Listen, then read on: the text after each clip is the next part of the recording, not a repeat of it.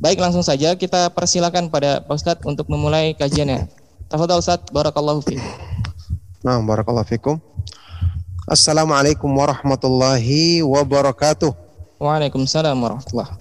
Innal hamdalillah nahmaduhu wa nasta'inuhu wa nastaghfiruh. Wa na'udzu billahi min syururi anfusina wa min sayyiati a'malina. May yahdihillahu fala mudilla lah wa may yudlil fala hadiyalah. Wa asyhadu an la ilaha illallah wahdahu la syarika lah. Wa asyhadu anna Muhammadan abduhu wa rasuluh. Allahumma salli wa sallim wa barik ala nabiyina Muhammad wa ala alihi wa sahbihi wa man tabi'ahum bi isanin ila yaumiddin amma ba'du. Alhamdulillah, ma'asyiral ikhwah wal akhwat fid din rahimakumullah. Bapak-bapak, ibu-ibu, ikhwan dan akhwat fid din rahimakumullah, peserta kajian sahabat ilmu Darmais ya yang semoga senantiasa dirahmati oleh Allah Subhanahu wa taala. Alhamdulillah kita bersyukur kepada Allah Subhanahu wa taala yang kembali mempertemukan kita di majelis ilmu yang mulia di malam hari ini dalam lanjutan kajian pembahasan kitab yang sangat bermanfaat sekali, kitab Fikul Asmaul Husna buah karya dari Syekh Abdul Razak bin Abdul Muhsin Al-Badr hafidhahumallahu taala. ya alhamdulillah telah kita baca beberapa penjelasan kitab ini yang sangat uh, luar biasa tentang keutamaan ilmu yang sangat agung ini. Kita sudah selesaikan bagian yang pertama dari tiga bagian tentang keutamaan ilmu, keutamaan memahami nama-nama Allah dan sifat-sifatnya yang maha tinggi. Saya katakan ada tiga bagian. Sekarang kita akan masuki bagian yang kedua. Mungkin memang lebih bagus untuk kita selesaikan tinggal berapa lembar ini di pembahasan keutamaan saja. Setelah itu insya Allah kita langsung melangkah ke pembahasan dari uraian tentang masing-masing dari nama-nama Allah Subhanahu wa taala satu persatu beserta penjabarannya insya Allah. Ya, uh, Bapak Ibu ikhwan dan akhwat fiddin rahimakumullah. Seperti yang saya sudah sebutkan, kitab ini diawali dengan banyak penjelasan tentang kaidah-kaidah dalam memahami nama-nama dan sifat-sifat Allah. Dan itu penting sekali memang, ya. Di awalnya disebutkan pembahasan tentang kedudukan ilmu yang agung ini, kemudian keutamaan, keutamaan dibagi menjadi tiga. Saya sudah sebutkan.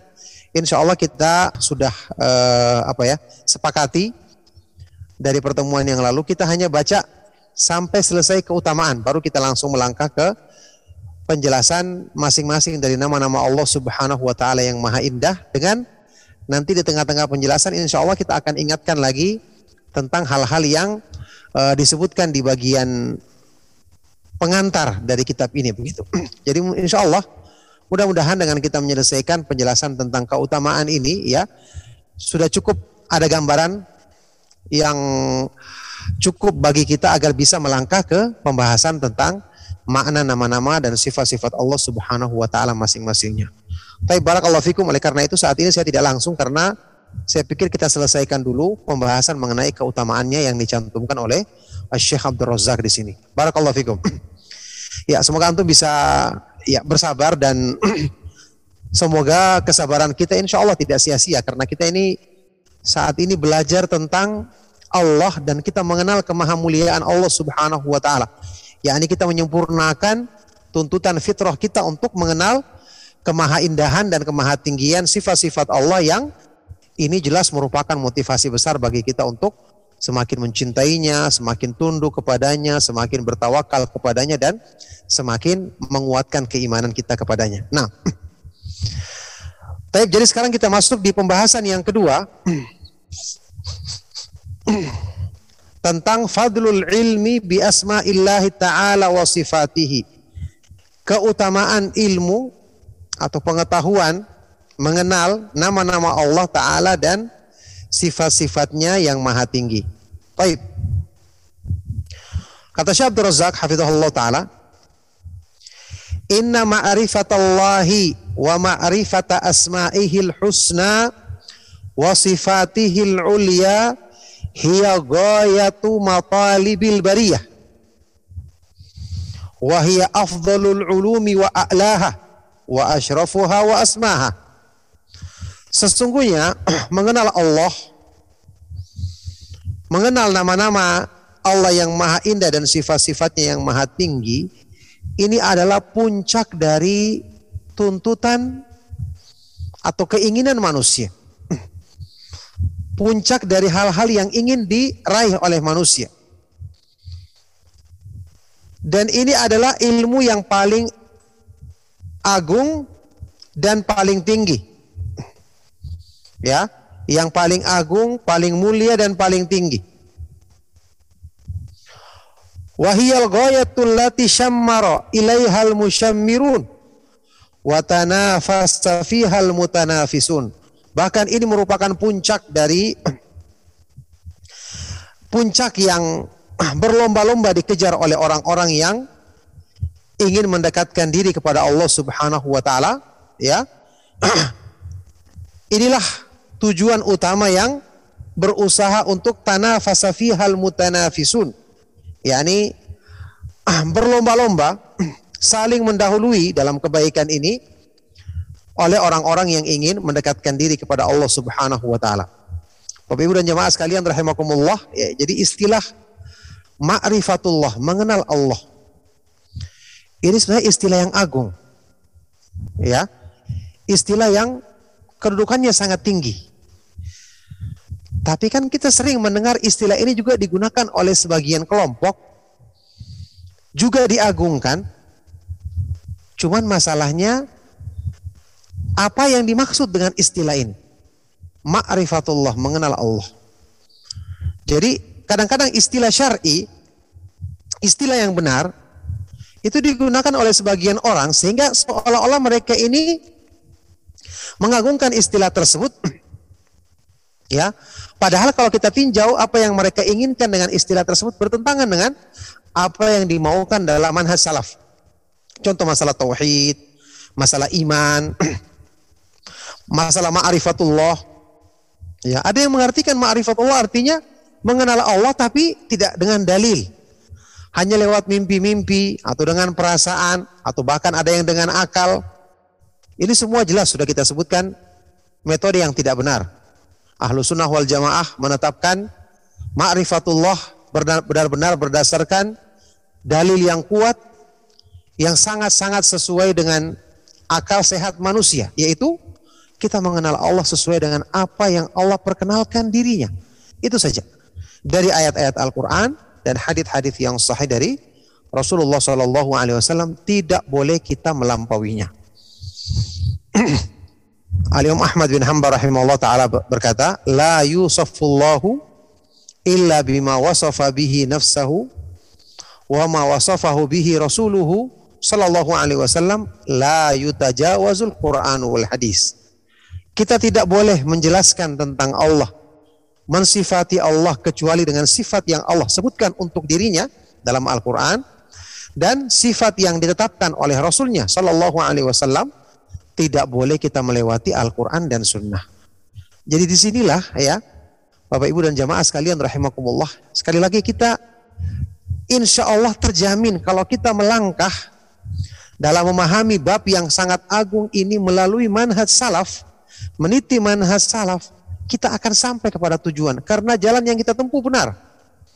Kita akan sampai pada tujuan yang agung ini yaitu mengenal Allah Subhanahu wa taala yang setelah itu kita akan bisa mengagungkannya dengan benar, mencintainya dengan benar, ya, berharap kepadanya, takut kepadanya semata-mata dan menjadikan ini semua melebihi daripada apa yang kita arahkan kepada makhluk.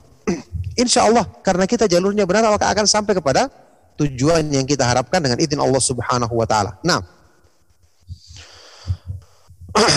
wa ila nahwiha tamtaddul a'naku wa ilaiha tattajihul qulubus sahihatu bil as bil ashwaqi.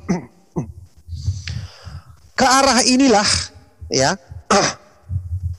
Ke arah inilah leher-leher manusia diarahkan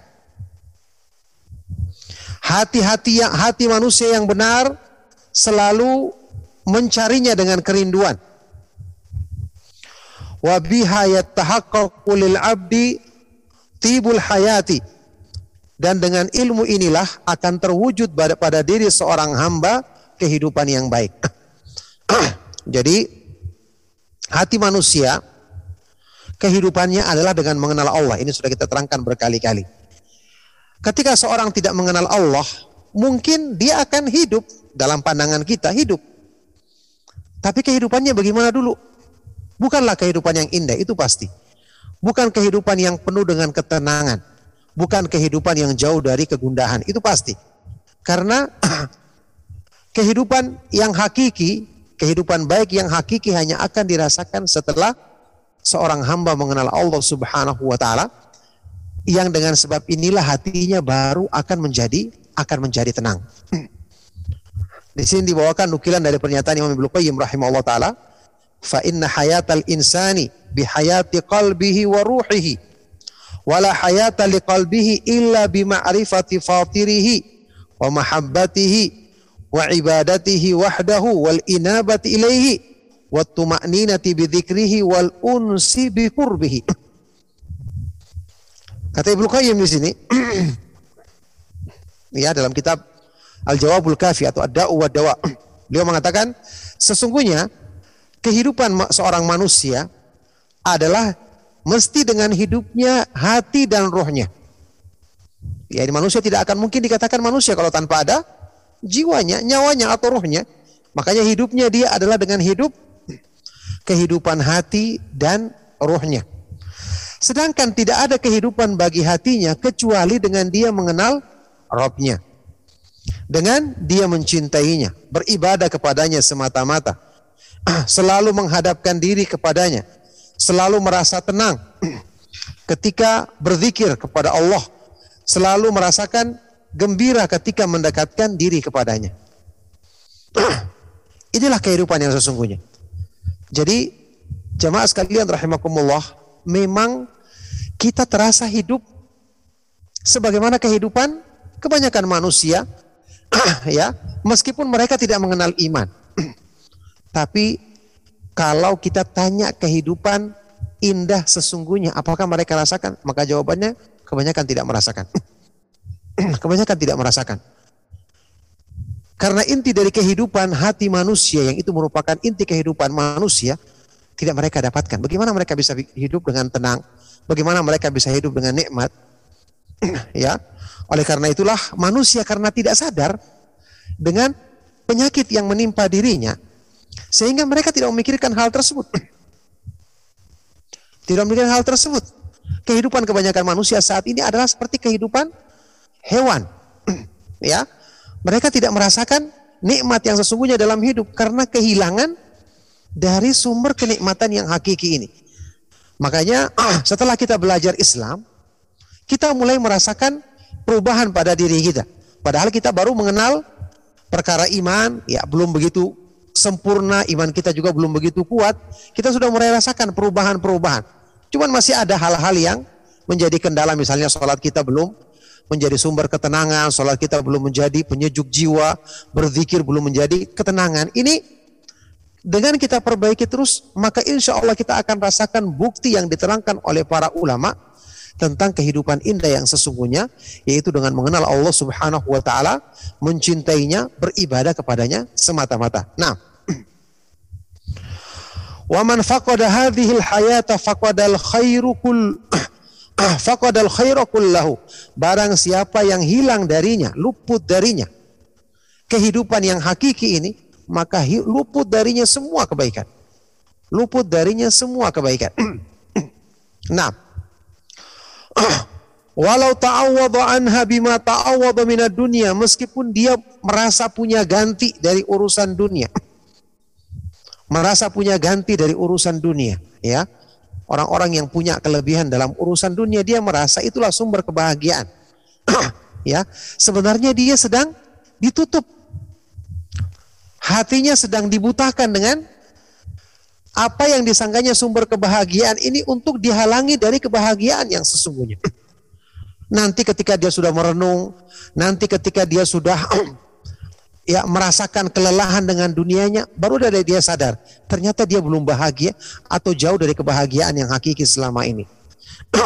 ini keadaan yang dirasakan oleh kebanyakan manusia karena jauh dari iman. Ya, makanya kita dapatkan bukti banyak orang-orang yang mengeluh tentang keadaan dirinya, banyak orang-orang yang ditimpa berbagai macam kegalauan dalam pikirannya. Padahal kalau dipikir mereka punya fasilitas dunia yang dikatakan berlebihan. Karena Allah Subhanahu wa taala pasti sudah janjinya dia tidak akan memberikan kebahagiaan bagi orang yang jauh dari petunjuknya apalagi jauh dari inti keimanan seperti yang sedang kita bahas ini tidak mungkin Allah Subhanahu wa taala membahagiakan orang-orang yang jauh dari dari petunjuknya nah bal laysatid dunya bi ajma'iha iwadun an hadhil hayati. Bahkan pada hakikatnya dunia beserta semua isinya tidak akan bisa menggantikan, tidak akan bisa dikatakan sebagai iwat pengganti dari kehidupan indah yang hakiki ini. Famin kulli syai'in yafutu Famin kulli syai'in yafutu iwadun fa idza fatahu Allah fatahullahu lam yu'awwid anhu syai'un. Segala sesuatu yang luput dalam urusan dunia itu ada gantinya. Segala sesuatu yang luput dalam urusan dunia ada gantinya, kata beliau. Tapi ketika hilang darinya Allah Subhanahu wa taala ketika luput darinya nikmat mengenal Allah Subhanahu wa taala, maka tidak ada satupun sama sekali yang bisa menjadi pengganti menjadi pengganti baginya. ya kita bayangkan saja, kan tidak mungkin Allah Subhanahu wa taala menjadikan perkara iman yang merupakan perkara yang paling penting yang dengan sebab inilah diutus semua para nabi dan para rasul alaihi wasallam. Perkara tauhid dengan sebab inilah diturunkan kitab-kitab Allah. Dengan sebab inilah Allah menciptakan alam semesta beserta isinya, menciptakan jin dan manusia.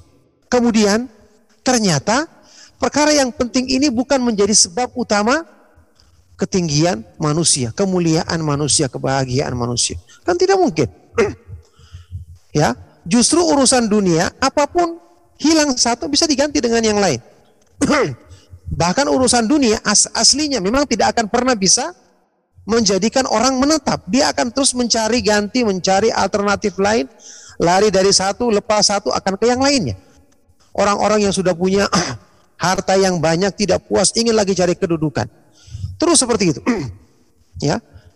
Adapun orang yang kehilangan ilmu yang agung ini, kehilangan ma'rifatullah ini, maka ini adalah sesuatu kehilangan yang tidak ada gantinya selama-lamanya. Cuman siapa yang menyadarinya? ya, siapa yang menyadarinya? Karena hal-hal yang seperti ini berusaha ditutupi oleh syaitan agar manusia tidak sadar agar manusia tidak menyadarinya afaman zuyyina lahu su'u amalihi fara'ahu hasanan apakah orang-orang yang dihiasi oleh syaitan keburukan amal perbuatannya sehingga dia memandangnya sebagai sesuatu yang baik syaitan punya tipu daya nanti setelah kita merenungkan nanti setelah kita memikirkan keadaan kita baru sadar oh ternyata saya selama ini belum bahagia saya selama ini belum tenang. Ini baru di dunia, belum di akhirat nanti. Di kehidupan yang kal abadi selama-lamanya. Oleh karena itu Alhamdulillah sebelum kita terlambat, kita perbaiki diri kita. Di dalam urusan iman, urusan mengenal Allah subhanahu wa ta'ala. Ya, ingat kebaikan ini kalau luput dari kita berarti luput semua kebaikan dunia dan akhirat nanti. Na'udzubillah min dalik. Nah, baik. Berikutnya kata Syekh Abdul Razak hafizahullah taala, jadi selesai tadi ucapan Ibnu Qayyim rahimahullah taala dinukil dari kitab Al-Jawabul Kafi atau Ad-Da'u wa Dawa.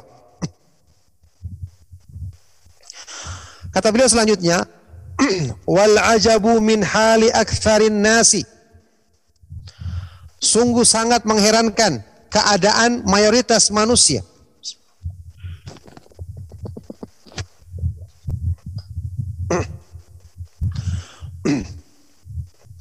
Sungguh sangat mengherankan keadaan mayoritas manusia Kembali nukil sini pernyataan Ibnu Qayyim rahimahullah taala. Ya. Bagaimana keadaan mereka? Beliau mengatakan, "Kaifa yanqadhiz zamanu wa yanfadul umuru wal qalbu mahjubun ma syamma li hadza raihah." Bagaimana mungkin ya? Bagaimana mereka bisa menghabiskan waktu, menghabiskan umurnya?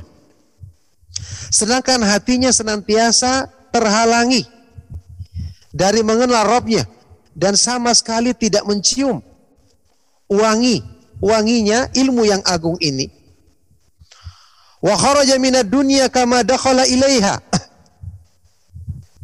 Wa ma dhaqa athyaba ma fiha. Akhirnya mereka keluar meninggalkan dunia sebagaimana masuknya. Mereka belum merasakan kenikmatan tertinggi yang ada di dunia. Bal asya fiha aisyal bahaim. Bahkan mereka hanya hidup di dunia seperti hidupnya hewan-hewan ternak. Wantaqala minhan tiqalal mafalis. Dan ketika mereka pergi meninggalkan dunia, masuk ke akhirat seperti perginya orang-orang yang merugi, orang-orang yang bangkrut, muflis.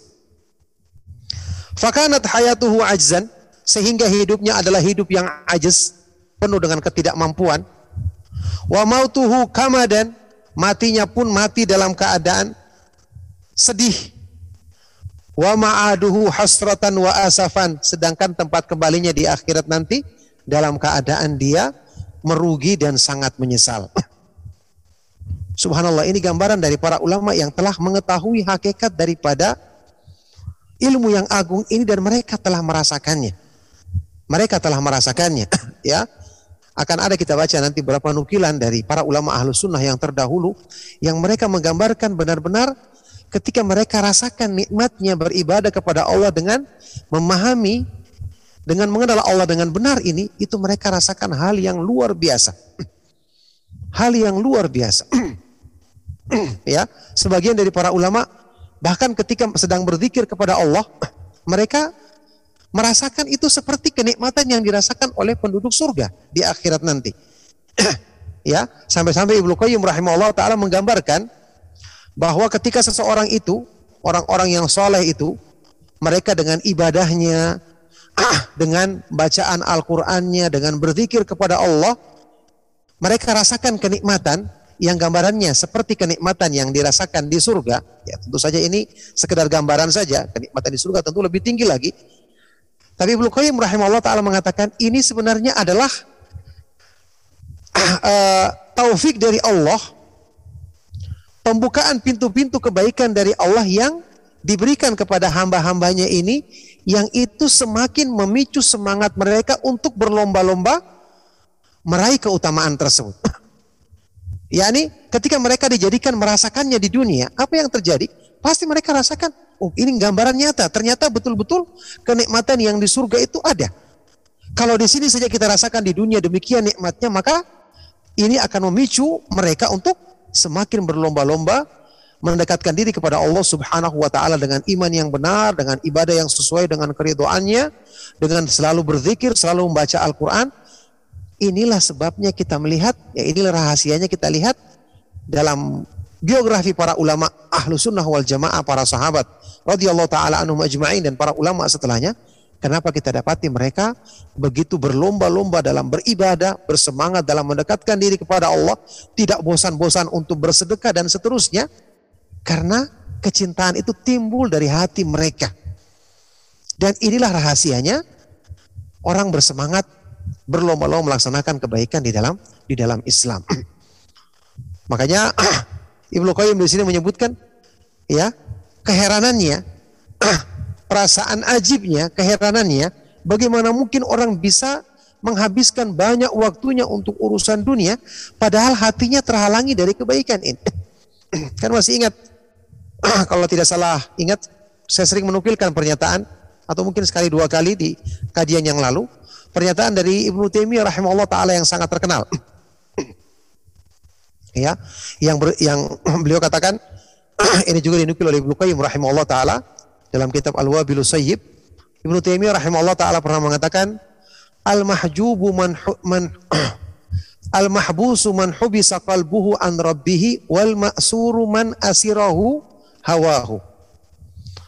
Orang yang terpenjara itu adalah sesungguhnya adalah orang yang dipenjara hatinya terhalangi dari mengenal Robnya. Dan orang yang terbelenggu itu adalah orang yang dibelenggu oleh hawa nafsunya. Jadi cuma dua inti saja. Dua inti perkara ini saja yang merupakan sebab terbelenggunya manusia, terhalanginya manusia, terpenjaranya manusia, sehingga terhalangi dari semua kebaikan. Yaitu hatinya terhalangi dari mengenal Allah. Yang kedua, dirinya ditawan oleh hawa nafsunya. Masya Allah, maka inilah tujuan dari kita belajar ilmu seperti ini. Membangkitkan kebaikan dari dalam diri kita sehingga benar-benar kita bisa menjalankan ibadah setelah apa ini ibadah-ibadah yang disyariatkan dalam Islam setelah itu dengan nikmat tidak perlu lagi dipaksa karena ini adalah pembangkit semangat yang sesungguhnya sebagaimana yang kita saksikan pada diri orang-orang yang soleh yang mendahului kita para sahabat radhiyallahu taala anhum ajmain. Nah,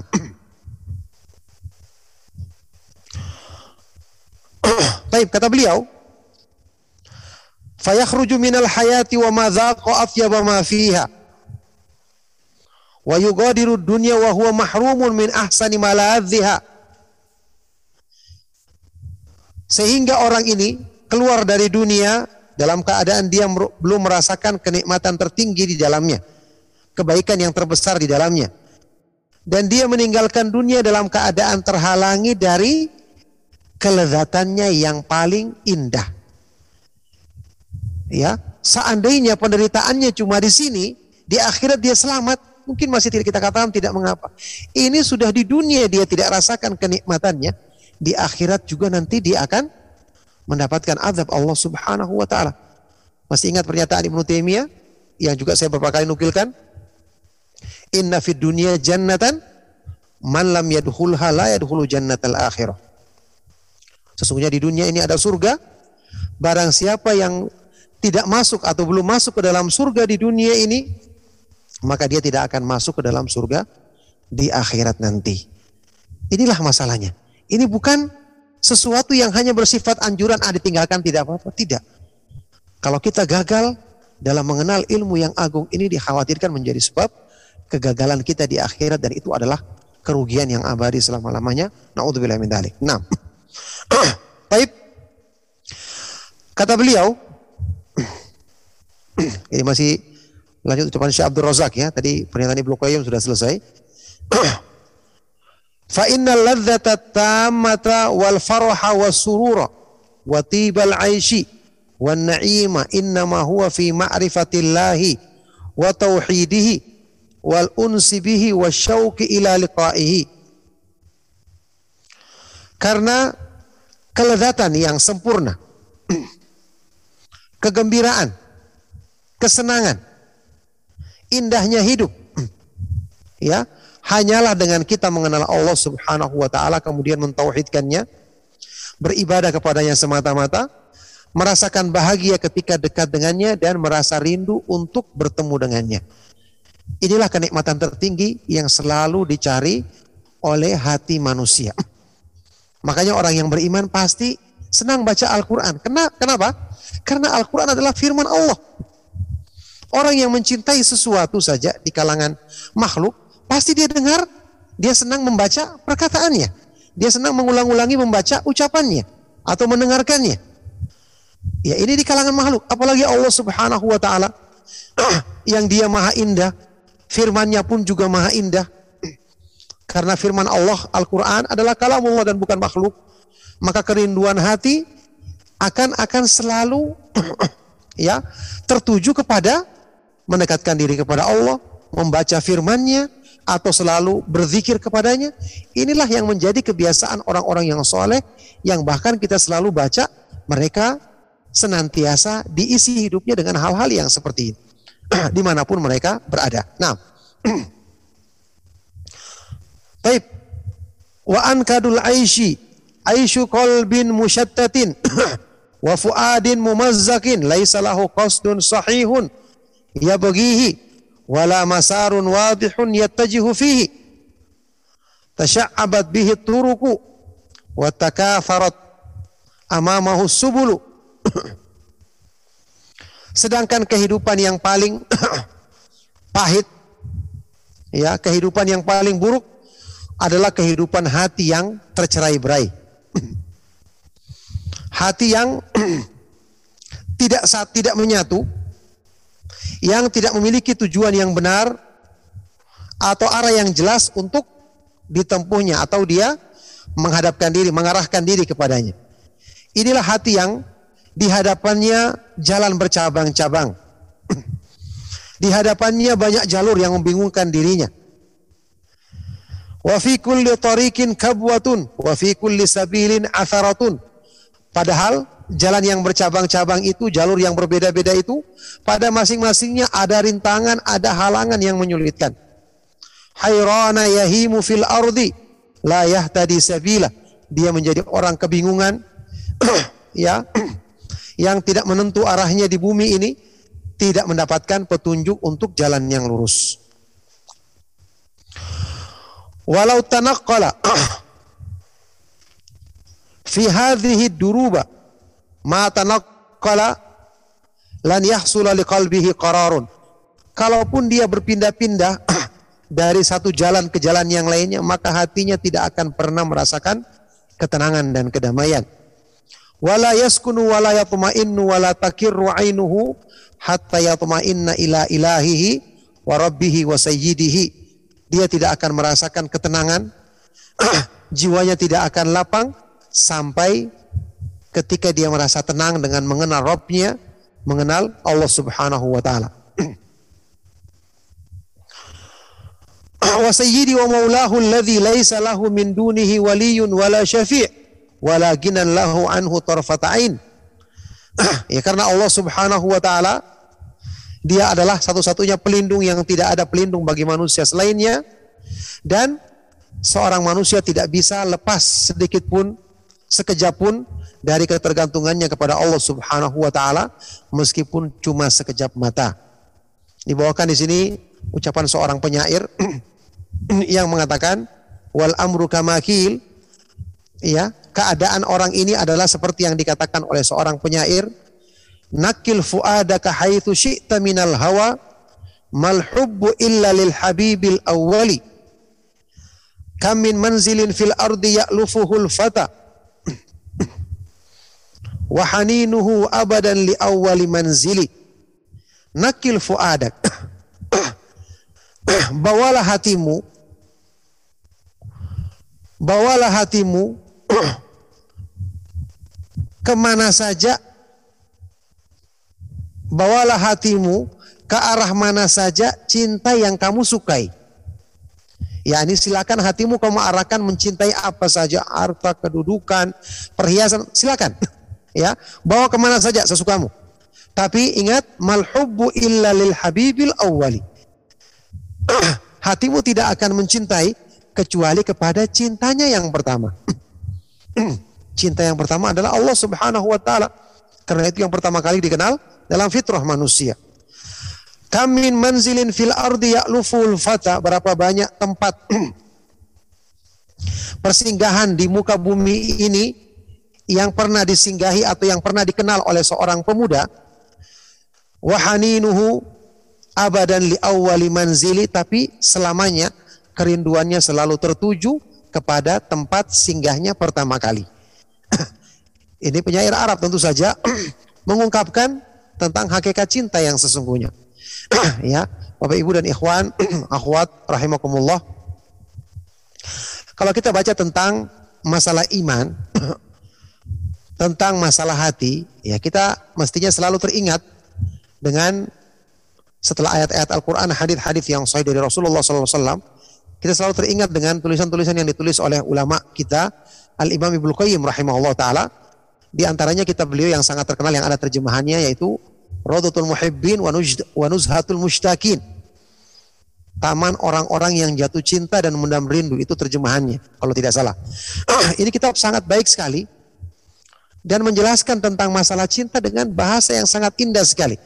Cuman saya tidak tahu apakah terjemahannya juga eh, bahasanya seindah itu yang jelas pastinya terjemahan beda dengan membaca asli ya.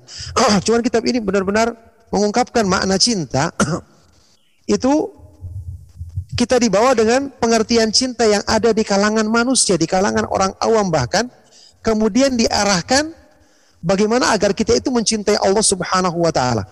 Ini pembahasan yang sangat indah, luar biasa ya.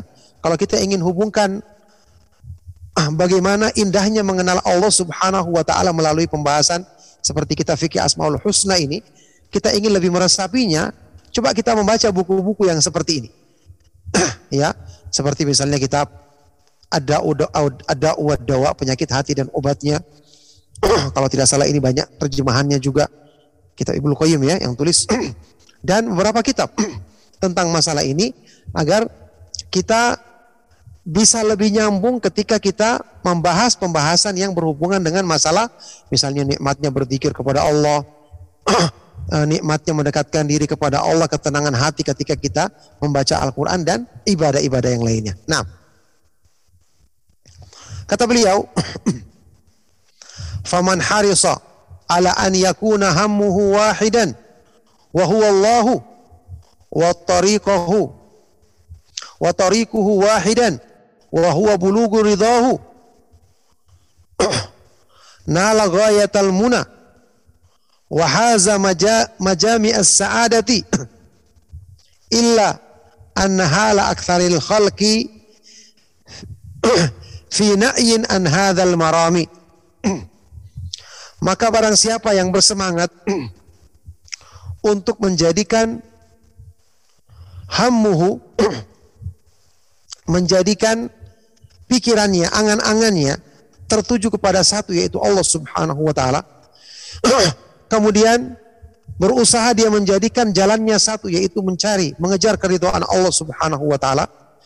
Maka dia akan mencapai puncak dari angan-angannya itu insya Allah dan dia akan mendapatkan penghimpun segala kebahagiaan akan tetapi kata beliau akan tetapi keadaan mayoritas manusia ya mereka sangat jauh luput dari tujuan yang agung ini. Karena mereka tidak paham.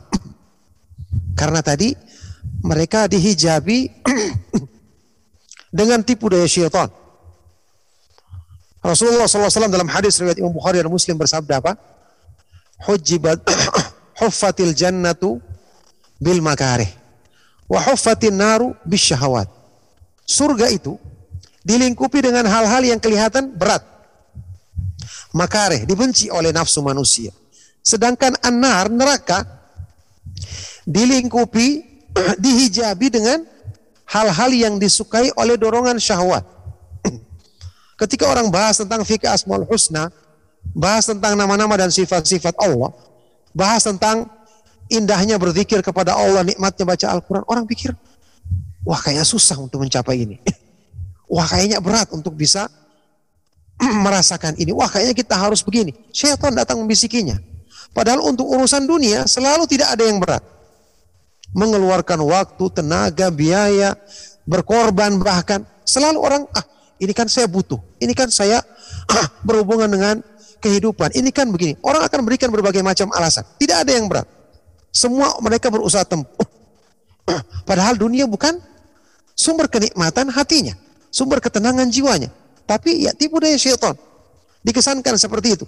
Untuk kebaikan-kebaikan dilingkupi dengan hal-hal yang kelihatan susah, kelihatan banyak yang harus dikorbankan dan seterusnya. Padahal ini adalah kenikmatan kenikmatan tertinggi. Lihat di sini kata Syekh Abdul Razak menukil pernyataan dari salah seorang ulama salaf, kama qala ba'du salaf sebagaimana ucapan salah seorang ulama salaf Masakinu ahli dunia kharaju minha wa madzaku afyaba ma fiha. Alangkah miskin, alangkah kasihan. Ahli dunia, orang-orang yang mengejar dunia, berambisi mengejar dunia, ketika mereka keluar meninggalkan dunia ini, yakni ketika mereka mati, dalam keadaan mereka belum merasakan afyabu maafiha kenikmatan tertinggi di dunia ini. Kila ada yang bertanya, Wa ma afyabu ma fiha. Apa itu kenikmatan tertinggi di dunia? Yang orang-orang ini mati belum merasakannya. Qala ulama ini mengatakan ma'rifatullahi wa mahabbatuhu wal unsu bi qurbihi wa ila liqaihi.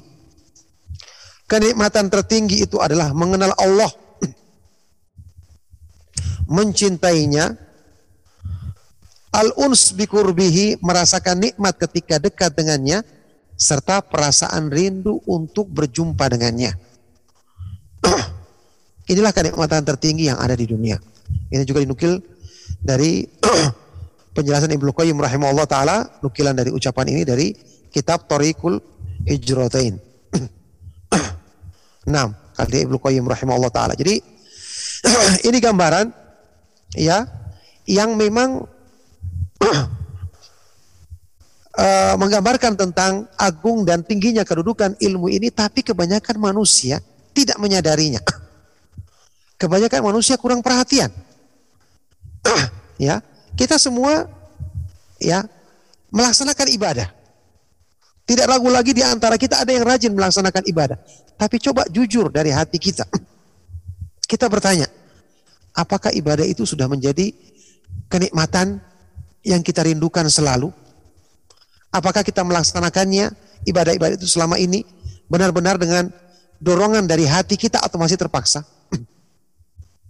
Ya, jawabannya kita semua bisa ya tahu jawaban tersebut. Tidak mungkin sesuatu yang nikmat kita dipaksa melakukannya. Kalau makanan enak saja kita kejar karena kita merasa enak, padahal itu kebutuhan badan kita, maka hati kita yang lebih penting, jiwa kita yang lebih penting, masa kita tidak berusaha mengejarnya atau tidak merasakan kenikmatan dari santapan hati tersebut. Ini jelas keadaan kebanyakan manusia benar-benar ditutupi dengan kejahilan, ketidakfahaman sehingga mereka melalaikan ilmu yang agung ini dan tidak menghabiskan waktu mereka untuk berusaha berusaha mengejarnya. Maka tentu kita bersyukur kepada Allah Subhanahu wa taala dengan taufiknya memudahkan kita untuk mendapatkan peringatan dengan kita membaca buku ini ya. Kita dapatkan nasihat untuk menyadari kesalahan kita menyadari betapa lalainya kita banyak menghabiskan waktu untuk mengurusi dunia atau mengejar perhiasan dunia padahal kenikmatan tertinggi kita dekat dengan kita ada di dalam Al-Qur'an, ada di dalam petunjuk Rasulullah SAW, ada di kitab-kitab para ulama yang menjelaskan tentang kedudukan yang agung dan dan sangat tinggi ini. Nah, barakallahu fikum. Insya Allah cukup sampai di sini apa yang bisa kita baca di kesempatan kajian di malam hari ini semoga bermanfaat dan menjadi sebab kebaikan bagi kita semua.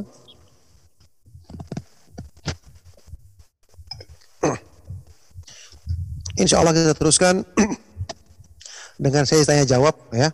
Mudah-mudahan uh, cukup waktu Insya Allah untuk kita bertanya jawab. Saya persilakan bagi antum dan mohon maaf jika ada yang salah dari hal-hal yang saya sampaikan.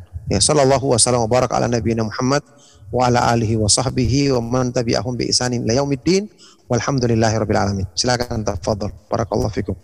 Wa barakallahu fiik. Alhamdulillah. Jazakallah khair pada Pak Ustadz atas penjelasan mengenai bahasan kitab fikih Asmaul Husna yang sangat bermanfaat dan kita sudah memasuki sesi tanya jawab sudah ada yang raise hand, jadi saya coba dahulukan terlebih dahulu. Betul? Iya, silakan. Kepencet kayaknya, Dit. Kepencet ya? Oh, itu ada. Ada. ada. Oh, ada. Uh, Rina silakan. Hmm. Ya, bismillahirrahmanirrahim. Assalamualaikum warahmatullahi wabarakatuh. Barakallahu fiik Ustadz. Waalaikumsalam. Silakan Ibu. Ya. Ya, mau tanyakan bagaimana ya Ustadz solusinya uh, kalau kalau kita uh, Ustadz itu terkena sudah sunnah, tapi ketika menyampaikan materi itu ke mana-mana nggak jelas, bikin hati kita tuh nggak tenang Ustadz. Terus orangnya pun kur, apa ya kelakuannya kita kurang suka, akhlaknya kurang baik. Apakah salah ketika kan itu kajian di daerah kami.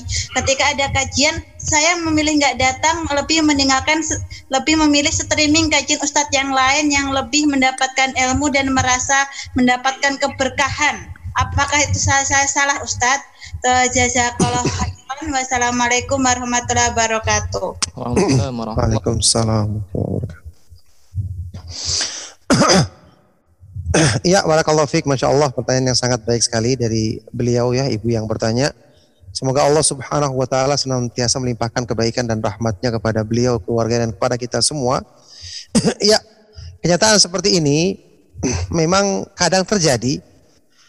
ya, entah apa sebabnya mungkin uh, ustadz tersebut menyampaikan sesuatu yang kurang fokus ya atau mungkin dia kurang persiapan atau mungkin ada kendala yang lain. Cuman kalau mungkin terjadinya berkali-kali apalagi ditambah dengan masalah akhlak tadi semoga Allah Subhanahu wa taala melindungi kita dari segala keburukan. Ini memang jadi kendala ya. Tentu saya solusinya yang harusnya kita lakukan ya setelah kita berdoa kepada Allah Subhanahu wa taala agar senantiasa memberikan hidayah kebaikan kepada beliau dan kepada kita semua ya kepada ustadz tersebut atau kepada kita juga uh, kita harus nasihati dia atau paling tidak kita usahakan ada orang yang bisa menasihati dia. Mungkin ada ustadz yang kita kenal, kita rasa ustadz ini punya hubungan dekat dengan ustadz tersebut, ustadz yang dimaksud tadi, kita minta agar dinasihati masalah hal-hal yang dikrit yang uh, menjadi sumber kritikan baginya atau hal-hal yang menjadi uh, penyampaian kajian yang tidak fokus ya ketika membahas melebar ke mana-mana padahal tidak hubungannya dengan materi bisa disampaikan. Dan kalau karena alasan ini misalnya sang ada di antara jamaah yang memilih untuk mengikuti kajian lainnya juga tidak bisa disalahkan. Tidak bisa disalahkan. Meskipun tetap saja kita katakan tentu yang paling bagus adalah kita hadiri kajian langsung ya tapi kalau memang ada alasan seperti ini kemudian dia mencari ustadz yang lain yang dia bisa dapatkan manfaat ya maka tidak mengapa yang penting memang tujuan dia uh, meninggalkan ustadz tersebut mungkin untuk sementara waktu dia tidak dengarkan ya karena mungkin permasalahan dia tidak mendapatkan ilmu yang diinginkan. Tidak mengapa kalau seperti ini. Ya, memang kadang-kadang ada orang yang mungkin juga tidak benar dia meninggalkan satu ustadz ke ustadz yang lain hanya karena pertimbangan-pertimbangan yang tidak berhubungan dengan ilmu sama sekali. Misalnya dia mengetahui seorang ustadz, ustadz ini ketika menyampaikan sesuatu dia merasa uh, berat menerimanya sehingga dia tidak suka yang berat-berat, dia cari yang ringan-ringan saja. Ini kan jelas salah. Atau dia tidak suka pembahasan yang terlalu banyak menyebutkan dalil. Iya, dia merasa tidak suka mendengarkan banyak dalil disebutkan, maka dia cari ustadz yang lebih ringan pembahasannya. Jelas ini salah. Kita justru dapat ilmu dengan dalil. Justru akidah yang benar kita dapatkan dengan nukilan dalil, sering dibacakan Al-Quran, hadis-hadis yang sahih, nukilan dari para sahabat. Ini justru yang ilmu yang sesungguhnya yang akan bisa meningkatkan kebaikan pada diri kita. Kalau memang dia meninggalkan karena alasan tadi, insya Allah ini tidak mengapa. Tapi ya usahakan ada solusi untuk bisa merubah keadaan ustadz ini ya. Semoga Allah Subhanahu wa taala memberikan petunjuk kepada dan kepada kita kita semua. Nah, barakallahu fikum. Wa barakallahu fiik. Kita akan lanjut uh, pertanyaan dari kolom chat dulu ya, Ustaz. Iya, silakan, silakan. Oke. Okay. Nah, Ustadz, apakah ada masalah kaitannya dengan zikir ya? Ketika kita ya. berzikir pagi dan zikir petang, saya itu selalu mengantuk sehingga bisa tertidur. Akhirnya sulit sekali menyelesaikan zikir tersebut sampai akhir. Nah, sehingga kadang saya memerlukan bantuan rekaman suara untuk menyelesaikannya. Tapi buat saya zikir pagi dan petang sangat efektif dalam ketenangan hati untuk menjalani kegiatan sehari-hari. Apakah hal tersebut juga afdol dilakukan Ustaz? Barakallah. Iya. Barakallahu fikum pertanyaan sangat baik sekali. Semoga Allah Subhanahu wa taala senantiasa melimpahkan taufiknya kepada antum yang bertanya kepada kita semua. Iya. Tentu ini ya mesti kendala ya. Benar-benar ada kendala ketika seorang selalu ketika berzikir pagi dan sore atau salah satu di antaranya dia mengantuk sehingga tidak bisa menyelesaikannya ya. Tentu ini ada tipu daya syaitan Cuman kemudian harusnya dia mensiasati hal ini ya, memilih waktu yang tepat agar tidak sering-sering hal ini menimpa dirinya. Contohnya seperti misalnya zikir pagi dan sore. Kita ketahui di dalam kitab Al-Wabilus Sayyib Ibnu Qayyim rahimahullah taala menjelaskan zikir pagi itu waktunya dimulai dari terbitnya fajar jadi masuk waktu subuh sampai terbitnya matahari. Itu zikir pagi namanya. Batasan waktu zikir pagi.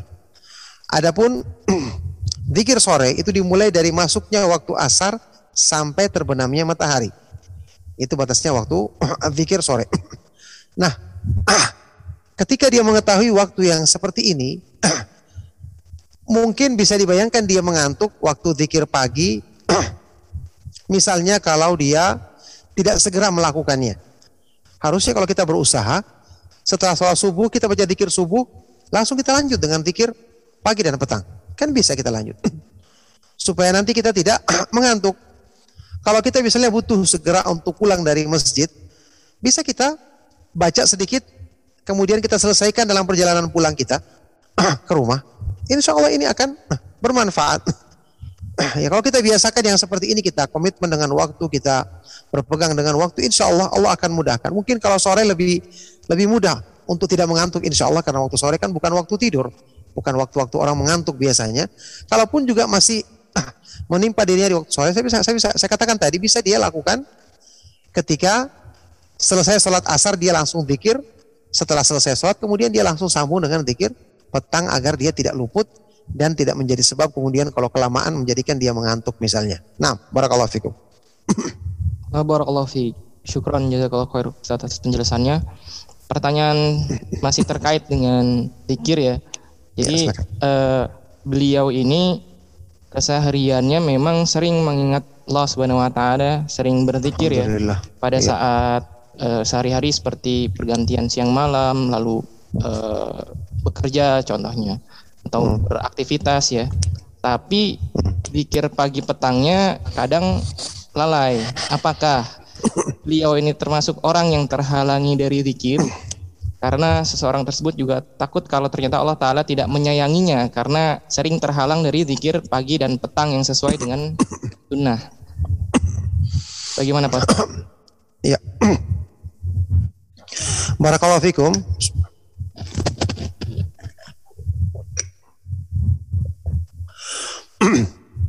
Pertanyaan sangat baik sekali. Semoga Allah Subhanahu wa taala senantiasa memudahkan kebaikan bagi beliau yang bertanya dan kepada kita semua. Jadi tujuan kita belajar agama kita mengenal amalan-amalan soleh beserta tingkatan-tingkatannya. Ini juga penting untuk kita jadikan apa skala prioritas dalam beramal. Ya, apa yang kita dahulukan, yang kita prioritaskan dibandingkan amal yang lain. Seandainya ada pilihan antara ini dan ini, kita pilih yang paling utama agar kita dapatkan sesuatu yang lebih. Contoh sekarang misalnya perbandingan antara eh, tiga amalan besar yang berhubungan dengan lisan, amalan lidah ya lisan, baca membaca Al-Qur'an, berzikir dengan zikir-zikir memuji Allah kayak subhanallah, alhamdulillah dan seterusnya dan berdoa. Ini tiga amal sama-sama utama. Tapi secara urutan asalnya baca Al-Qur'an di atas. Kedua berzikir, ketiga berdoa. Ini hukum asalnya. Tapi keutamaan ini jadi kalau seandainya tidak ada indikasi apa-apa, hanya pilihan misalnya nih kita sedang taruhlah kita sedang uh, luang waktu. Kita bingung, saya ini sekarang bagusnya baca Al-Qur'an atau berzikir atau berdoa ya. Kalau tidak ada hal-hal yang kayak kebutuhan tertentu, maka paling bagus saat itu Anda baca Al-Qur'an. anda baca Al-Qur'an. Cuman kalau misalnya dia saat itu misalnya ada kebutuhan agar dia melatih hatinya untuk segala, selalu minta kepada Allah kita katakan lebih bagus Anda waktu itu berdoa. Tapi kalau tidak ada yang seperti ini, hukum asalnya adalah membaca Al-Qur'an. Nah, ada lagi yang diterangkan oleh para ulama seperti misalnya yang berhubungan dengan bacaan zikir atau wirid atau bacaan tertentu yang ada waktunya dan ketika waktunya tiba.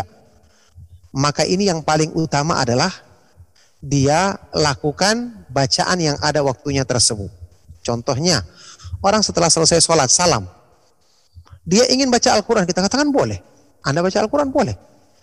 Tapi lebih utama saat itu Anda adalah membaca zikir setelah selesai sholat. membaca zikir setelah selesai sholat.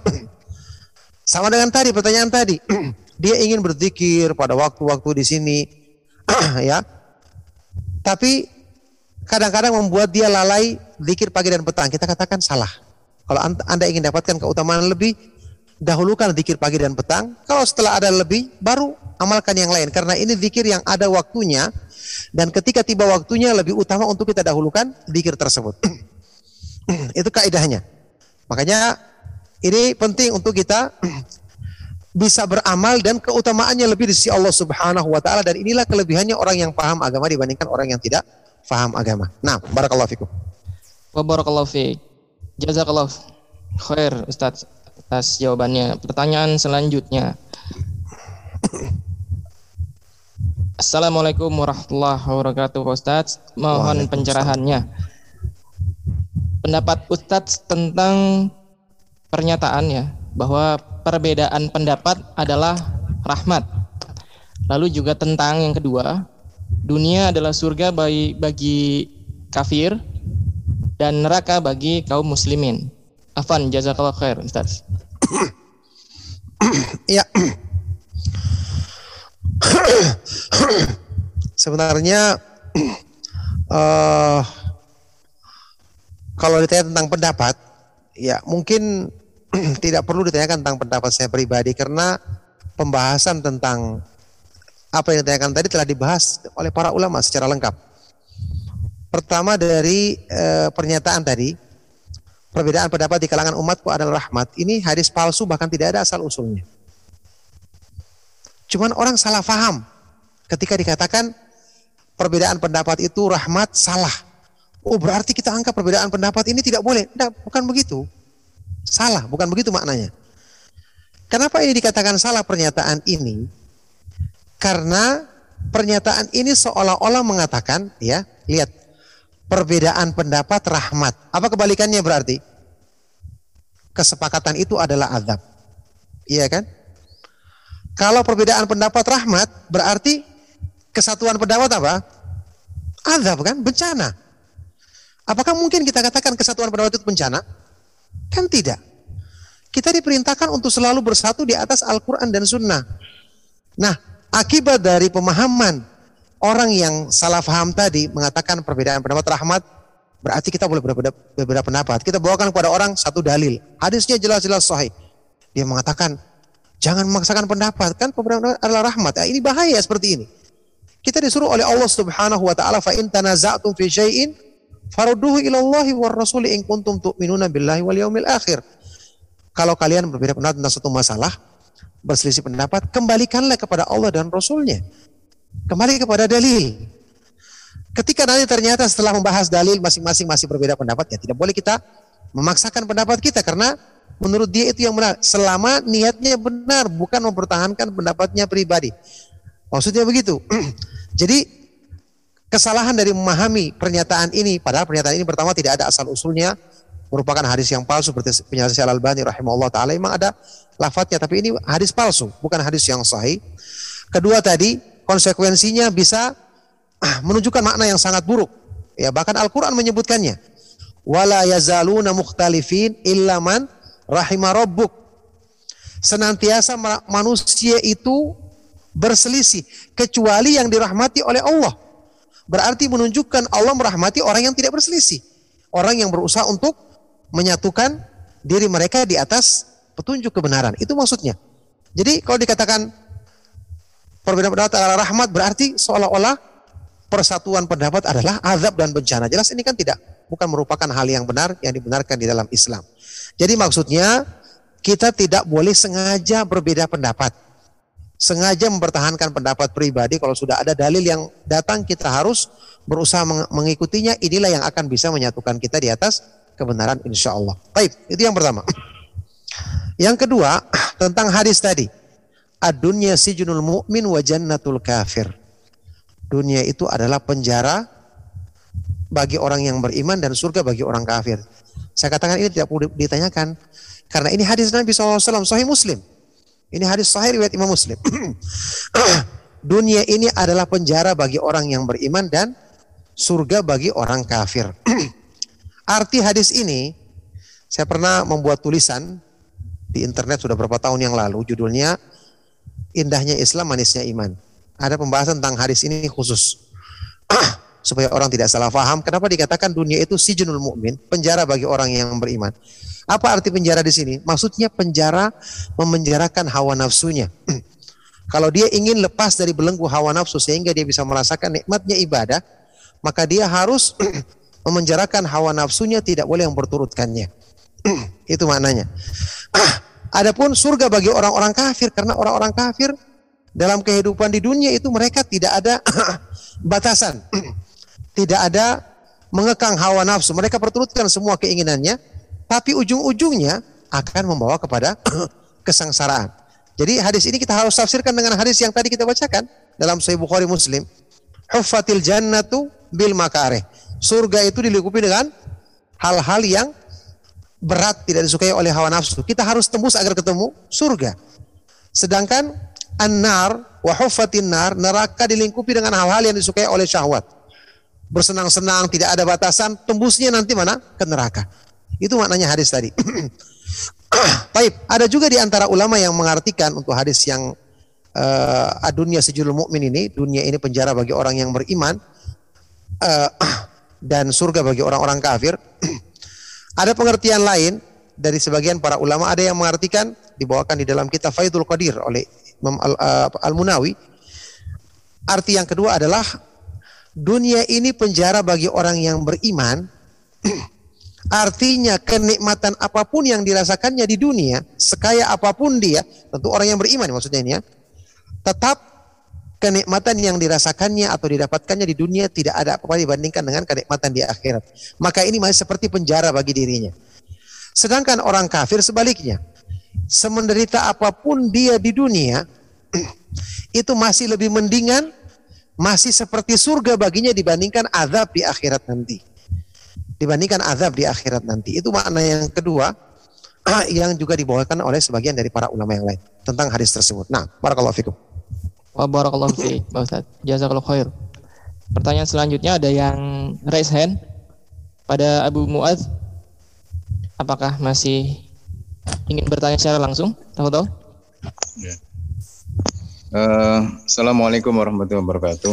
Waalaikumsalam warahmatullahi wabarakatuh. Jazakallahu khair, Ustaz. Uh, Anda mau nanya tentang ini, uh, misalnya kita uh, mau mengamalkan apa ya? Satu amalan ya tidak dijelaskan di situ berapa berapa kali gitu. Seperti apa ayat kursi di dikir pagi atau dikir petang itu. Kita menetapkan untuk kita sendiri misalnya uh, dengan uh, berapa banyak gitu. Taruhlah misalnya uh, 10 atau 20 kali gitu. Uh, terus uh, itu apakah uh, di uh, tapi kita nggak meyakini bahwa itu adalah ketentuannya gitu. Jadi ini hanya hanya uh, untuk kita apa uh, sendiri gitu. Apakah itu termasuk bid'ah? Kemudian yang kedua, jika uh, kita berdoa misalnya doanya kita tambah dari Quran tapi kita nggak meyakini bahwa itu doa kita tambah itu tapi tidak disandarkan pada Al-Qur'an misalnya Rabbi ja'alni muqimas sholati fi awali waktiha wa min dzurriyyati rabbana wa taqabbal doa gitu. Ya, ya, Apakah ya. itu boleh? Kemudian ketiga uh, terkait uh, misalnya itu tadi uh, lupa udah dua bisa kalau ya, Alhamdulillah. satunya Jazakallahu khair Ustaz. Assalamualaikum. Waalaikumsalam warahmatullahi wabarakatuh. Ya, barakallahu fikum.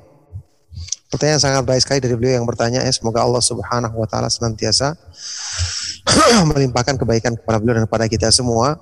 Ya, yang pertama tadi menetapkan zikir atau bacaan tertentu dengan jumlah tertentu tadi eh, ini tidak dibenarkan di dalam Islam. Kita menetapkan satu ibadah tertentu dengan jumlah tertentu meskipun kita anggap bukan dari dalil. Karena pertanyaannya kenapa Anda mau berpegang dengan jumlah tersebut? Jadi paling bagus kalau kita ingin baca sesuatu, sudah kita baca saja, nah, tanpa perlu kita hitung hitung dengan jumlah. Karena menghitung dengan jumlah ini tidak ada dalilnya. Jadi kata Syekh Ibnu Utsaimin rahimahullah taala waktu menyebutkan tentang uh, bentuk-bentuk amalan bid'ah di dalam Islam ya, di antaranya adalah adalah adanya amal-amal yang bersifat umum tapi kemudian ada sebagian orang yang menambahkan uh, kekhususan tertentu bisa berupa cara pelaksanaannya, tempatnya, waktunya termasuk jumlahnya. Termasuk jumlahnya atau sebabnya. atau sebabnya. Ya misalnya, ya tadi ada zikir disyariatkan mutlak, baca saja. Orang bikin jumlah tersendiri. Akhirnya dia lama-kelamaan menetapi jumlah tersebut. Ya ini tidak benar. Atau dia caranya tertentu dia lakukan dengan cara tertentu. Atau sebab misalnya sebab tertentu ya misalnya ada sebagian orang yang mengatakan uh, dalam rangka tahun baru hijriah malamnya kita introspeksi diri kita jadikan sebagai malam muhasabah ini meskipun introspeksi diri disyariatkan dalam Islam tapi kenapa anda khususkan dengan waktu tersebut karena disyariatkan kita introspeksi diri setiap malam setiap waktu bahkan kita koreksi diri kita tapi tidak usah dikhususkan dengan sebab tertentu begitu maksudnya jadi jangan kita mengkaitkan satu ibadah yang dimutlakan di dalam Islam dengan kaitan tertentu kecuali kalau ada dalilnya tentu saja. Kecuali kalau ada dalilnya. Jadi lagi pula sekarang kalau kita ingin berzikir di sore hari, masya Allah banyak sekali zikir-zikir yang disyariatkan.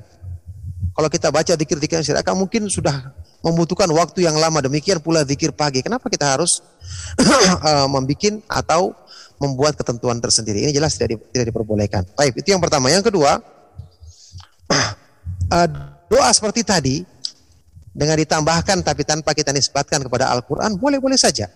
Kita ambil maknanya ya, kita ambil maknanya.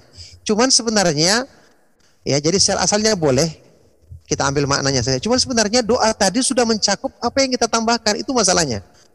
Sekarang Al-Quran dan Sunnah itu lafaz-lafaz doanya kan yang terbaik.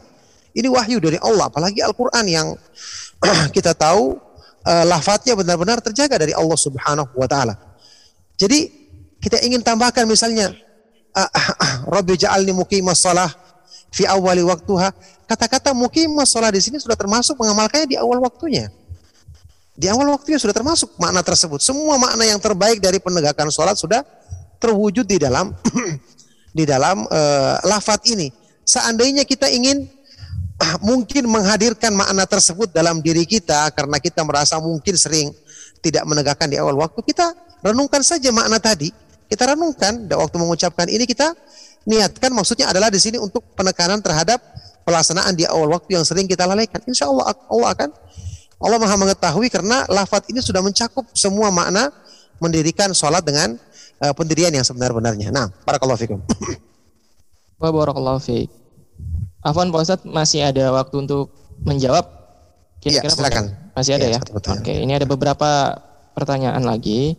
Hmm. Selanjutnya adalah uh, Ustadz, benarkah suara akhwat itu termasuk aurat yang tidak boleh diperdengarkan kepada ikhwan?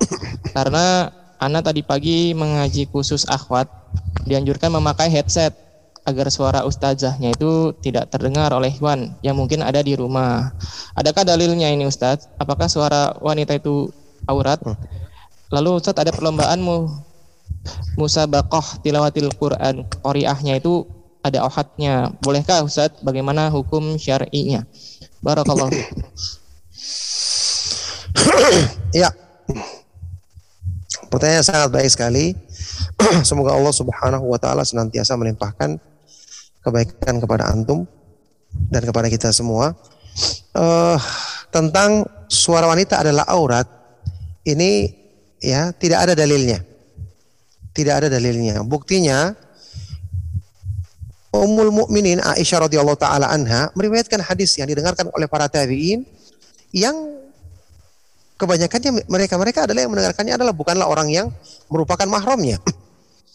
Kemudian juga sahabat sahabiah yang lain, sahabat perempuan yang lain. Ada rawi-rawi juga yang perempuan meskipun sedikit jumlahnya ya dibandingkan yang laki-laki. Mereka meriwayatkan hadis yang didengar seandainya suara suara itu aurat tidak boleh dengarkan mestinya. ya. Jadi suara perempuan itu bukan aurat yang yang dikhawatirkan menjadi fitnah. Itu yang disebutkan di dalam Al-Qur'an. Ya fala tahdha'na fi- bil qaul. Janganlah kalian merendahkan suara atau melembutkan suara ketika berbicara. Ini larangan bagi perempuan fayat ma'alladzi fi qalbihi marad sehingga menjadikan orang yang ada penyakit di hatinya berhasrat. Ini maksudnya bagi orang yang mendayu-dayukan suaranya. Maka yang benar adalah memang suara itu bisa berpotensi menjadi fitnah tapi tidak bisa dikatakan aurat karena tidak mutlak kalau dia berbicara biasa saja. Apalagi ada kebutuhannya maka tentu ini tidak sampai dikatakan aurat gitu. Cuman mungkin ada sebagian orang yang kalau berbicara di antara akhwat mungkin ada yang suaranya memang terlalu lembut. Mungkin tanpa dibikin-bikin ah ini kita katakan dia hati-hati. Ya kemudian kalau misalnya hal-hal yang tertun misalnya di majelis-majelis kadang-kadang eh, mungkin akhwat ada yang bicara bebas tanpa tanpa sadar dia berbicara. Kadang-kadang ada yang ter- mungkin tertawa atau atau ada yang lain. Misalnya kalau forum bebas gitu ini mungkin perlu dijaga supaya tidak menimbulkan fitnah juga bisa kalau kondisi seperti tapi kalau secara asal selama dijaga maka itu tidak tidak bukan merupakan aurat contoh seperti orang yang bertanya kepada ustadz dia sampaikan pertanyaannya. Ini biasa sampai para ulama pun juga kadang-kadang mendengarkan pertanyaan langsung dari akhwat baik itu lewat eh, kajian langsung atau mungkin lewat telepon ataupun yang lainnya. Nah jadi selama tidak dibikin-bikin maka tidak tidak eh, bukan merupakan aurat. Yang kedua mengenai masalah yang berhubungan dengan musabakoh ya tilawatil Quran. Ya kalau eh ini biasanya kan memperdengarkan atau di- dilantunkan mungkin dengan suara yang suara yang lembut ya. Suara yang dibuat eh, lembut karena tentunya dia akan memperbagus suaranya. Allah taala alam bisawab. Ini yang saya ketahui. Eh,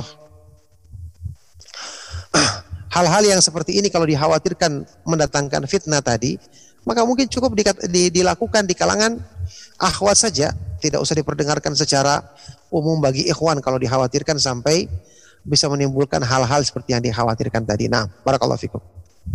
Wa barakallahu fiik. Jazakallahu khair Pak Ustadz. Pertanyaan lagi Pak Ustadz nih. Ya, Eh, Assalamualaikum Ustadz izin bertanya. Waalaikumsalam.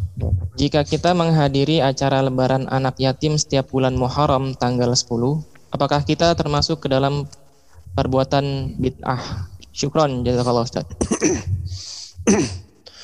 Iya, itu jelas perbuatan bid'ah dan tidak disyariatkan dan ini diadakan oleh kelompok yang sangat menyi- menyimpang jauh dari Islam. Acara-acara seperti ini sangat-sangat bertentangan dengan Islam sama sekali tidak ada tuntunannya di dalam uh, petunjuk Rasulullah SAW maupun para sahabat radhiyallahu taala anhum ajmain. Jadi tidak boleh kita menghadirinya. Nah, Baik Ustadz. Selanjutnya, Bismillah, Assalamualaikum. Izin bertanya, belum lama ayah kami meninggal, Ustadz. Dan saya tanya, saya tanya keluarga, ditalkinnya bagaimana itu hanya dengan Allah hingga beberapa kali. Apakah Allah itu termasuk nama dan sifatnya dan apakah boleh berzikir hanya dengan Allah saja tanpa ditambah Allah Akbar misalnya atau apa gitu. Syukran jazakallah khair. Ustaz. Eh, semoga Allah Subhanahu wa taala merahmati beliau yang wafat dan semoga Allah Subhanahu wa taala mengampuni dosa-dosanya. ya, mengenai masalah talqin tadi, ya yang benar Rasulullah SAW bersabda, "Lakin mautakum la ilaha illallah." Talqinlah orang yang meninggal di antara kalian mengucapkan la ilaha illallah. Itu hadis sahih Muslim. Sebagian dari para ulama menjelaskan maksudnya ini sekaligus dua kalimat syahadat. Ya la ilaha illallah Muhammadur Rasulullah itu yang terbaik sudah. Adapun talqin yang cuma Allah saja, ya saya tidak mengetahui dalilnya. Mudah-mudahan, mudah-mudahan itu eh, waktu dia mengucapkan itu niatnya adalah untuk mengucapkan eh, la ilaha illallah. Semoga seperti itu. Cuman untuk berikutnya kita harusnya talqin dengan lengkap. Ya, jadi lanjutan dengan pertanyaan yang kedua ada ada hubungannya memang. Apakah berzikir dengan lafaz Allah saja? Jelas Allah adalah nama Allah, ya. Bahkan ini adalah nama Allah yang paling agung, Allah, lafzul jalalah. Tapi berzikir yang disyariatkan dalam Islam kata Ibnu Taimiyah rahimahullah taala itu semua menyebut nama Allah dalam kalimat yang sempurna, baru mengandung pujian. Kalau misalnya Allah Ini apa artinya? Ya, orang bisa mengucapkan Allah maksudnya ada juga yang mengatakan Allah ada atau Allah tidak ada atau Allah itu ada sekutunya atau yang lainnya kalimat yang bisa mengandung banyak kemungkinan makna. Tapi kalau dengan pujian Allahu Akbar Allah Maha Besar ini kalimat sempurna disyariatkan. La ilaha illallah tidak ada sembahan yang benar selain Allah. Maha suci Allah. Jadi semua dengan kalimat sempurna itulah zikir yang disyariatkan dalam Islam bukan cuma dengan menyebut nama Allah saja. Nah, Jazakallah khair Pak Ustadz. Pertanyaan lagi Pak Ustadz. Eh, saya pernah mengamalkan membaca sholawat nariyah tiap selesai sholat fardu sebanyak 11 kali. Itu sudah berlangsung sekitar 10 tahun Pak Ustadz. Dan setelah saya tahu bahwa hukumnya itu tidak boleh, maka tidak dilakukan lagi.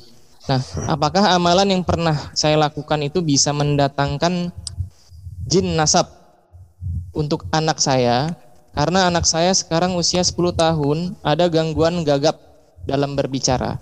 Bagaimana solusi buat anak saya Ustaz? Bisa minta rekomendasi untuk dirukiah? Jazakallah khair. ya barakallahu fikum. Pertanyaan sangat baik sekali. Jadi eh, jelas ya sudah ketahuan bahwa itu sudah diketahui tadi bahwa salawat tersebut adalah salawat yang tidak benar. Kandungan maknanya juga banyak yang menyimpang dari pemahaman Islam yang benar.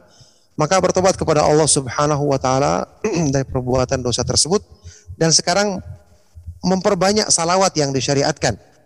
Seperti salawat yang kita baca dalam sholat kita, kita perbanyak. Ini salawat yang disyariatkan, kita perbanyak. Mudah-mudahan dengan sebab itu Allah Subhanahu wa taala menjadikan uh, tobatnya kita akan perbuatan dosa yang lalu itu semakin semakin kuat. Nah, tapi hubungannya dengan masalah mendatangkan jin nasab. Ini saya tidak mengetahui apakah memang seperti itu atau tidak. Kecuali kalau mungkin waktu dia membaca salawat Maria tadi memang ada perjanjian tertentu bahwa dengan ritual seperti ini misalnya waktu itu dia meyakini boleh untuk dapatkan penjagaan atau yang lain ternyata jin tersebut yang kemudian mengganggu anaknya misalnya.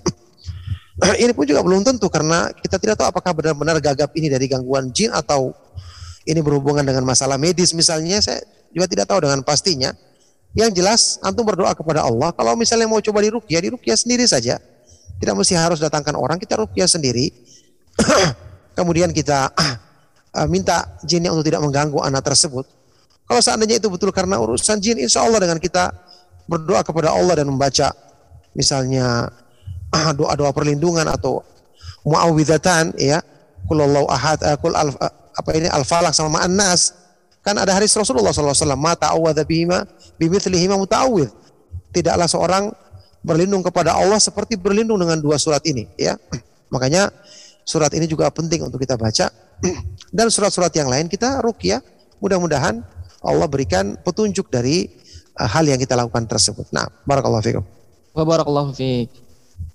Ada yang bertanya langsung resen. Kita kasih kesempatan satu kali lagi ya sebelum kita tutup kajian pada malam hari ini. Ya. Ya, silakan. Kepada siapa ya, Dok?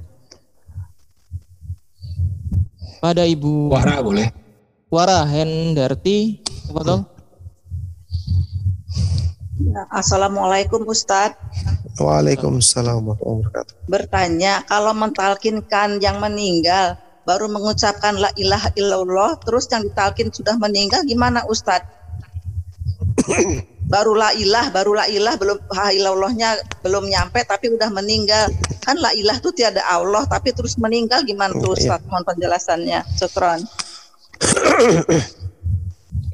Ya, barakallahu fiik. Pertanyaan sangat baik sekali ya. Semoga Allah Subhanahu wa taala senantiasa memberikan kebaikan kepada ibu dan kepada kita semua. Ya, eh, mudah-mudahan kita berharap ketika dia mengucapkan la ilah itu terlaf apa ini dia juga mengucapkan kelanjutannya illallah cuman ya mungkin terputus atau tidak terdengar. Kita kita harapkan kita bersangka baik kepada kaum muslimin ya. Cuman ya harusnya memang tidak seperti itu. Makanya sebagian dari para ulama menjelaskan kalau kita mentalkin mayat itu jangan terburu-buru agar dia bisa membaca dan ketika dia sudah membaca dengan lengkap eh, biarkan dia jadikan itu ucapan yang terakhir. Ya. Jadikan itu ucapan yang terakhir. Jangan lagi kita suruh lagi ucapkan yang lain. Sudah. Kalau kita merasa dia mungkin sebentar lagi meninggal, kalau dia sudah ucapkan yang terakhir ya sudah itulah yang terakhir nanti. Semoga itu menjadi kalimat akhir dari ucapannya sebagaimana yang disebutkan di dalam hadis yang sahih. ya, jadi kita pelan-pelan ya.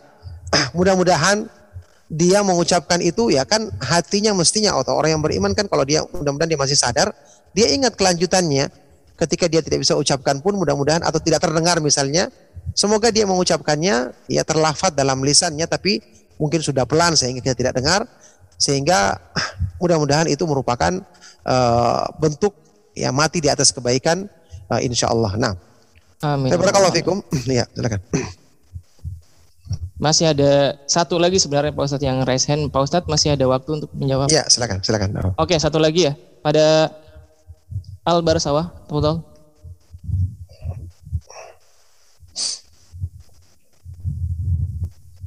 Halo? Masih ingin bertanya? Kayaknya di- Oke. Eh, baik Ustadz, mungkin yang tadi sudah pertanyaan terakhir ya. Insya Allah kita sudahi eh, kajian pada malam hari ini. Mohon untuk kesimpulannya Pak Ustadz. Barakallah. ya, barakallahu fikum. Semoga apa yang kita bahas dan kita kaji memberikan motivasi kebaikan bagi kita, memberikan semangat bagi kita untuk lebih uh, semangat mempelajari ilmu yang agung ini dengan selalu berdoa kepada Allah Subhanahu wa taala agar dimudahkan untuk kita uh, memahaminya dengan benar dan bisa mempraktekannya, mengamalkannya dalam kehidupan kita. Demikianlah saya akhiri. Mohon maaf atas segala yang salah dan kurang. Sallallahu wasallam wa baraka ala nabiyina Muhammad wa ala alihi wa sahbihi wa man tabi'ahum bi ihsanin ila yaumiddin walhamdulillahi rabbil alamin. Subhanakallahumma wa bihamdika asyhadu an la ilaha illa anta astaghfiruka wa atubu ilaik. Wassalamualaikum warahmatullahi wabarakatuh. ارجعي إلى ربك راضية مرضية فادخلي في عبادي وادخلي جنتي.